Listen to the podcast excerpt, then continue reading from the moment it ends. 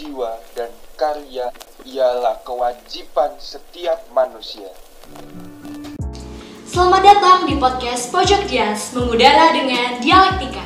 Halo semuanya, perkenalkan nama aku Maria Magdalena atau lebih akrab disapa dengan Alena. Aku dari angkatan 2022. Di sini aku ditemani dengan dua rekan aku, dan kita bertiga akan ngobrolin nih tentang berita yang sempat viral di akun sosial media lingkar Universitas Brawijaya, yaitu tentang program MMD, Mahasiswa Membangun Desa. Nah, program ini diperuntukkan untuk angkatan 2021 dan angkatan 2020 serta angkatan 2019 yang belum mengikuti pengabdian kepada masyarakat. Nah, untuk lebih lengkapnya, mungkin uh, bisa kenalan dulu nih dengan dua rekan aku yang kebetulan dari uh, beda angkatan. Oke, uh, perkenalkan nama aku Prasiska Triwahyuni, biasa disapa Siska dan aku dari angkatan 2020. Halo semuanya, perkenalkan nama aku Michelle Niva, biasa dipanggil Sila. Aku dari angkatan 2021. Halo Kak Siska, Kak Sila, gimana nih kabarnya dan apa sih kesibukannya akhir-akhir ini? Halo Lena, jadi kabarku ya alhamdulillah baik dan kesibukanku ngapain ya aku? Kalau aku sih nggak sibuk ngapa-ngapain cuma paling ngerjain tugas doang. Dan oh. sila. Kalau kabar aku baik ya alhamdulillah. Kesibukan aku paling ini aja sih ikut organisasi lagi sibuk di organisasi aja. Kita back to topik ya, ke topik awal pembicaraan kita tentang MMD nih. Nah, aku kan angkatan 2022 dan masih belum tahu tentang mendalami nih tentang MMD itu apa. Karena aku juga belum dapat sosialisasi tentang kegiatan MMD ini programnya. Mungkin dari kakak-kakak angkatan 2020 dan angkatan 2021 nih yang udah dapat sosialisasinya gimana sih? Apa sih MMD itu? Uh, kalau dari aku sendiri sih menurut aku MMD itu berdasarkan buku pedoman yang udah di dikirim sama universitas MMD itu kan uh, mahasiswa membangun desa dengan target uh, seribu desa. Iya, kayak seribu candi ya. Baik banget. Uh, terus ini sih paling mahasiswanya tuh kayak di dituntut buat uh, bisa membangun di membangun sebuah inovasi nih. Enggak dong. Di desa tersebut di desa yang udah dipilihin sama universitas. Nah, untuk program MBD ini tuh dilaksanakannya kapan ya kak?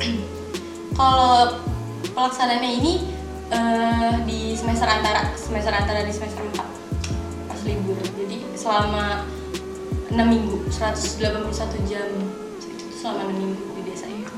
Ya. Oh ya. Capek. Oh ya. Nah, denger-denger nih program MMD itu baru dilakukan di tahun 2023 ini. Nah, untuk di tahun sebelumnya apakah pernah ada program yang serupa? Kalau tahun sebelumnya tuh ada, nah itu namanya KKNT atau PKM, Pengabdian Kepada Masyarakat. Nah, tahun sebelumnya itu kan ini ya, 6, 6 minggu ya tadi? Yeah. Kalau dia aku cuma 4 minggu dong. Bener banget ya, sebulan doang? Iya, sebulan ya, doang. Gitu. Jadi uh, sebenarnya konsep dari MMD dan KKN ini sama-sama terjun ke desa gitu ya kak ya? Uh, iya, iya sama-sama terjun ke desa, cuma beda nama doang. Oh beda nama doang. Apa sama. ada apa kegiatan atau program lain yang uh, beda nih antara MMD sama oh, KKN? Ini sih paling aku nggak tahu ya yang KKN ke Siska ini dulu ada program individunya atau enggak. Soalnya yang MMD tahun ini ada program kelompok ada, program individu juga ada jadi yang sendiri-sendiri gitu ada. Hmm, jadi kayak ada. per anak suruh bikin uh, proker gitu ya. Bener. Oh, kalau di aku dulu tuh kayak cuma per prodi doang. Jadi kan kita satu fakultas tuh ada dari banyak-banyak prodi nih.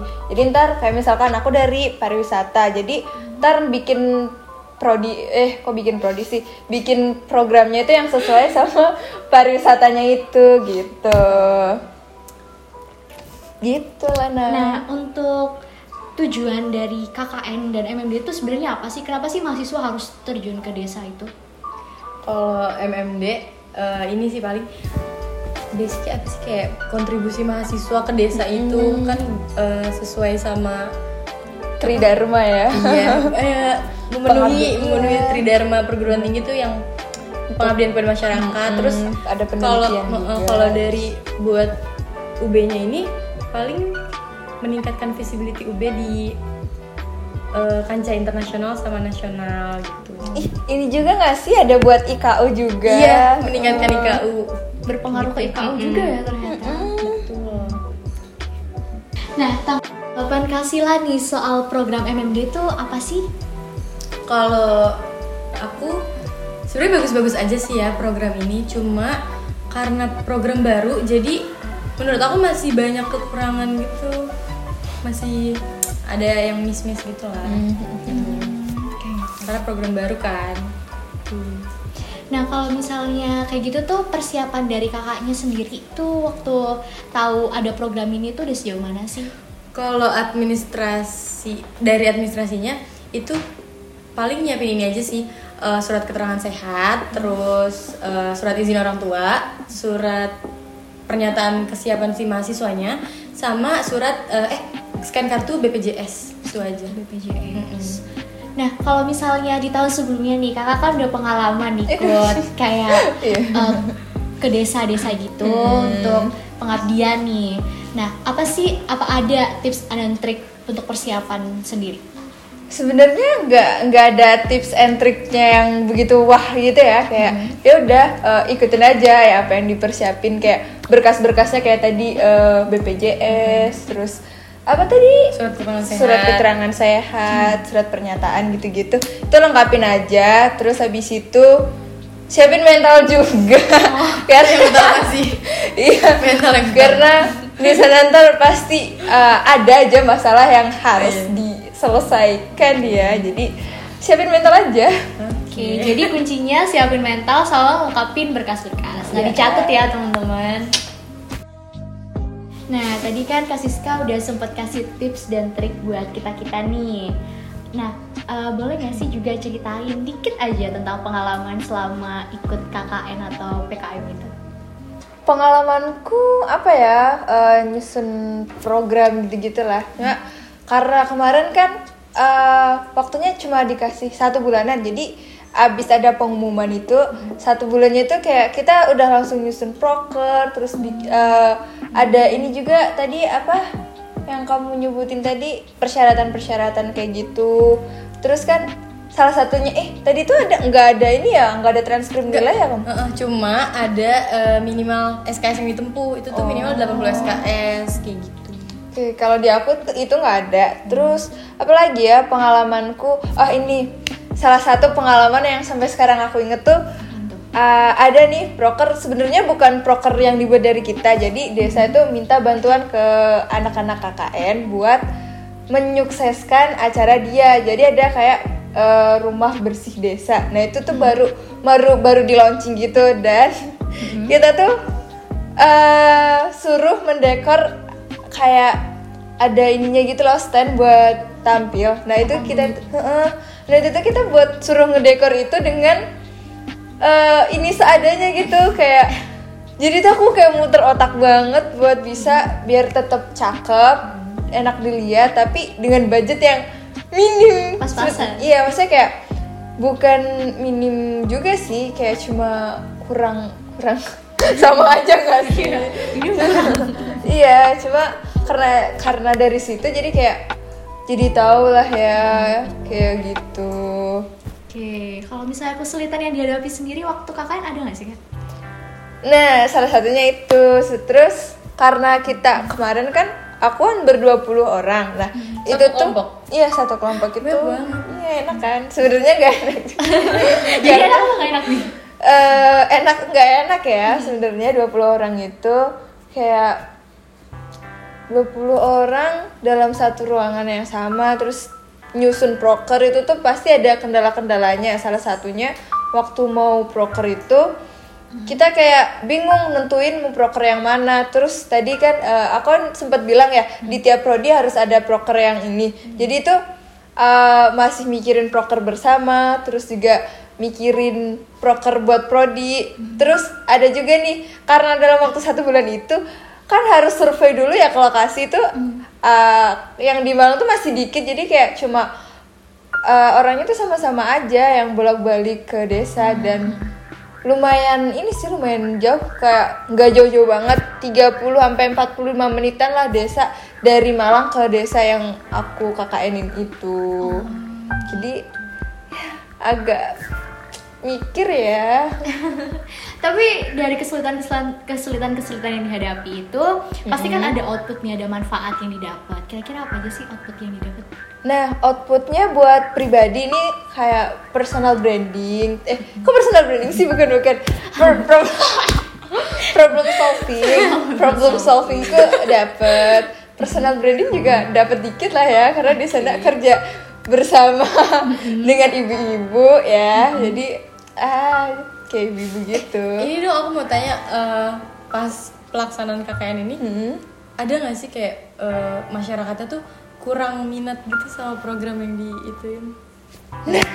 pasti ada hal-hal kayak gitu ya jadi ada satu proker yang eh, karena itu sebenarnya bukan yang nggak minat banget cuma peminatnya sedikit. Itu tuh pasti ada karena emang nggak sesuai jadwalnya. Kayak misalkan kita bikinnya di siang hari. Nah kalau di siang hari kan pasti orang-orang capek ya habis bekerja terus habis ke sawah ke mana. Jadi kayak kurang ini aja kurang banyak yang dateng gitu.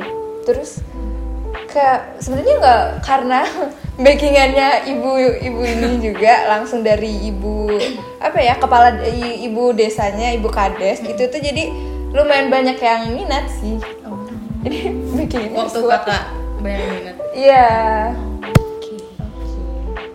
Gitu. Nih, ntar kamu juga bakal kayak gitu juga kan? Iya, semoga ya ntar juga semoga aja dilancarin ya kayak kakak Iya. jadi banyak yang minat soal program kerja yang aku tawarin. Oke, gitu. Nah, aku sebenarnya penasaran nih untuk pengabdian masyarakat ini KMMD, KKN ini sebenarnya dikonversi nggak sih eh, programnya? Kalau di tahun aku kemarin itu dikonversi, Iya, jadi eh, aku juga. empat empat SKS ya. empat SKS. Sama ya berarti. Iya. Nah, tambahan lagi nih, kalau di prodi aku di pariwisata itu kalau udah magang, eh kalau udah pengabdian masyarakat itu nggak perlu ada magang lagi, jadi nggak wajib magang gitu. Ya, jadi santai. Semester berapa sih magang? Semester 6, eh semester 7 itu magang. Gitu. Oh, terus ini dong kak aku ada pertanyaan.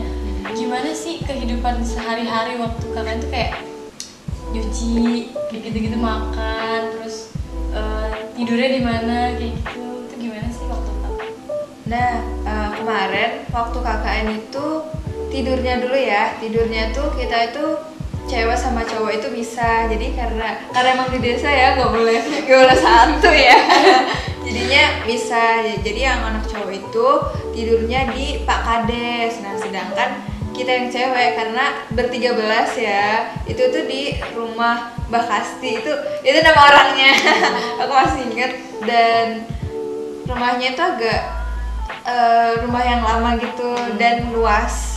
Itu enak banget. Terus buat makannya kita itu sebelum itu ada dibagi dulu dibagi per kelompok buat piket makan sama ini bersih bersih jadi piket makannya sendiri sama bersih bersihnya sendiri. Nah yang makan ini ntar kayak dipilihin gitu lah mana yang bisa masak mana yang nggak bisa masak. Nah ntar yang nggak bisa masak dicampurin sama yang bisa masak. Jadi sekalian belajar masak gitu. Masakan ya? Iya, masakan. Nah, terus ada juga nih kalau nyuci baju eh, kebetulan di aku tuh ada laundry jadi nggak perlu ini bingung-bingung mikir nyuci baju. Dan ada ini juga apa mesin cuci dia kan mesin cuci guys. Berarti nggak jauh banget dari ini kan? Kayak Enggak fasilitas apa sih namanya? nggak jauh pokoknya tuh desanya tuh nggak terlalu desa banget jadi Oh. kayak yang masih ada ATM Indomaret cuma kalau dibilang agak kota ya jauh Emang berapa kilo sih atau berapa menit dari kota Malang ini sendiri? Nah, kalau menitnya sekitar 45 menit dari Malang. Jadi eh, tempat aku ngabdi itu di de- di desa Gunung Sari di Kecamatan Tajinan gitu. Terus tadi eh, kamu ada pertanyaan lagi nggak sih tadi tentang apa tadi yang belum aku jawab udah semua ya Oke. Tapi enaknya kalau deket ATM karena kayaknya yang paling jadi permasalahan utama tuh uang cash. Iya. Yang biasa cashless. Terus mau ditaruh di desa yang bisa aja jauh dari ATM kan. itu bisa nggak bisa cashless iya di desa tuh iya ada satu lagi tips and trick jadi kalian harus bawa uang cash banyak banyak ya Uang cash yang banyak ya. soalnya biasanya apalagi kalau di desa yang terpencil kan sus- susah ya nemu ATM apalagi ATM kalian BCA dan BNI itu jarang ada di desa BCA. Kurang lama ya. Kurang lama. ntar disensor jadi di sana adanya BRI guys jadi Oh. Kalau mau ngambil uang sekalian ambil yang banyak biar gak bolak balik gitu Ingat guys, uang cash yang utama. tuh Udah sih itu aja. udah Oke. Masih ada pertanyaan lagi mungkin dari? Dari aku udah itu aja. Oke, mungkin dari aku juga udah itu aja. Jadi kesimpulan yang didapat dari podcast kita kali ini nih eh, tentang garis besar MMD sama KKN itu konsepnya tuh kurang lebih hampir sama ya. Paling beda di eh, persiapan administratifnya gitu. Terus kayak eh, tentang apa ya? Tentang lama pelaksanaannya juga nggak sih? Yang MMD tadi Yang aku enam enam minggu. terus yang KKN atau PKM itu 4 minggu ya sebulan. Sebulan. Tapi keduanya sama-sama ngamalin tridharma perguruan tinggi kan ya tentang pengabdian masyarakat, tentang penelitian, tentang pendidikan. Eh, mungkin segitu dulu eh, perbincangan kita pada eh, podcast kali ini. Ya, oh, sedih banget. Udah. Tapi next time bisa ketemu lagi, bisa Iya, ngobrol-ngobrol ngobrol dong pasti. Semoga podcast kali ini bisa nambah insight kita semua, terutama buat kakak-kakak yang mau MMD nih, biar lebih ya, siap mentalnya, biar lebih siap persiapannya lebih matang gitu. Eh, aku mau terima kasih ke Kasila sama Kak Siska udah bersedia hadir, udah bersedia ngobrol bareng aku. Dan aku juga mau mohon maaf kalau misalnya selama podcast kali ini eh, aku ada salah kata atau ada terdapat kata yang kurang berkenan juga dari kita.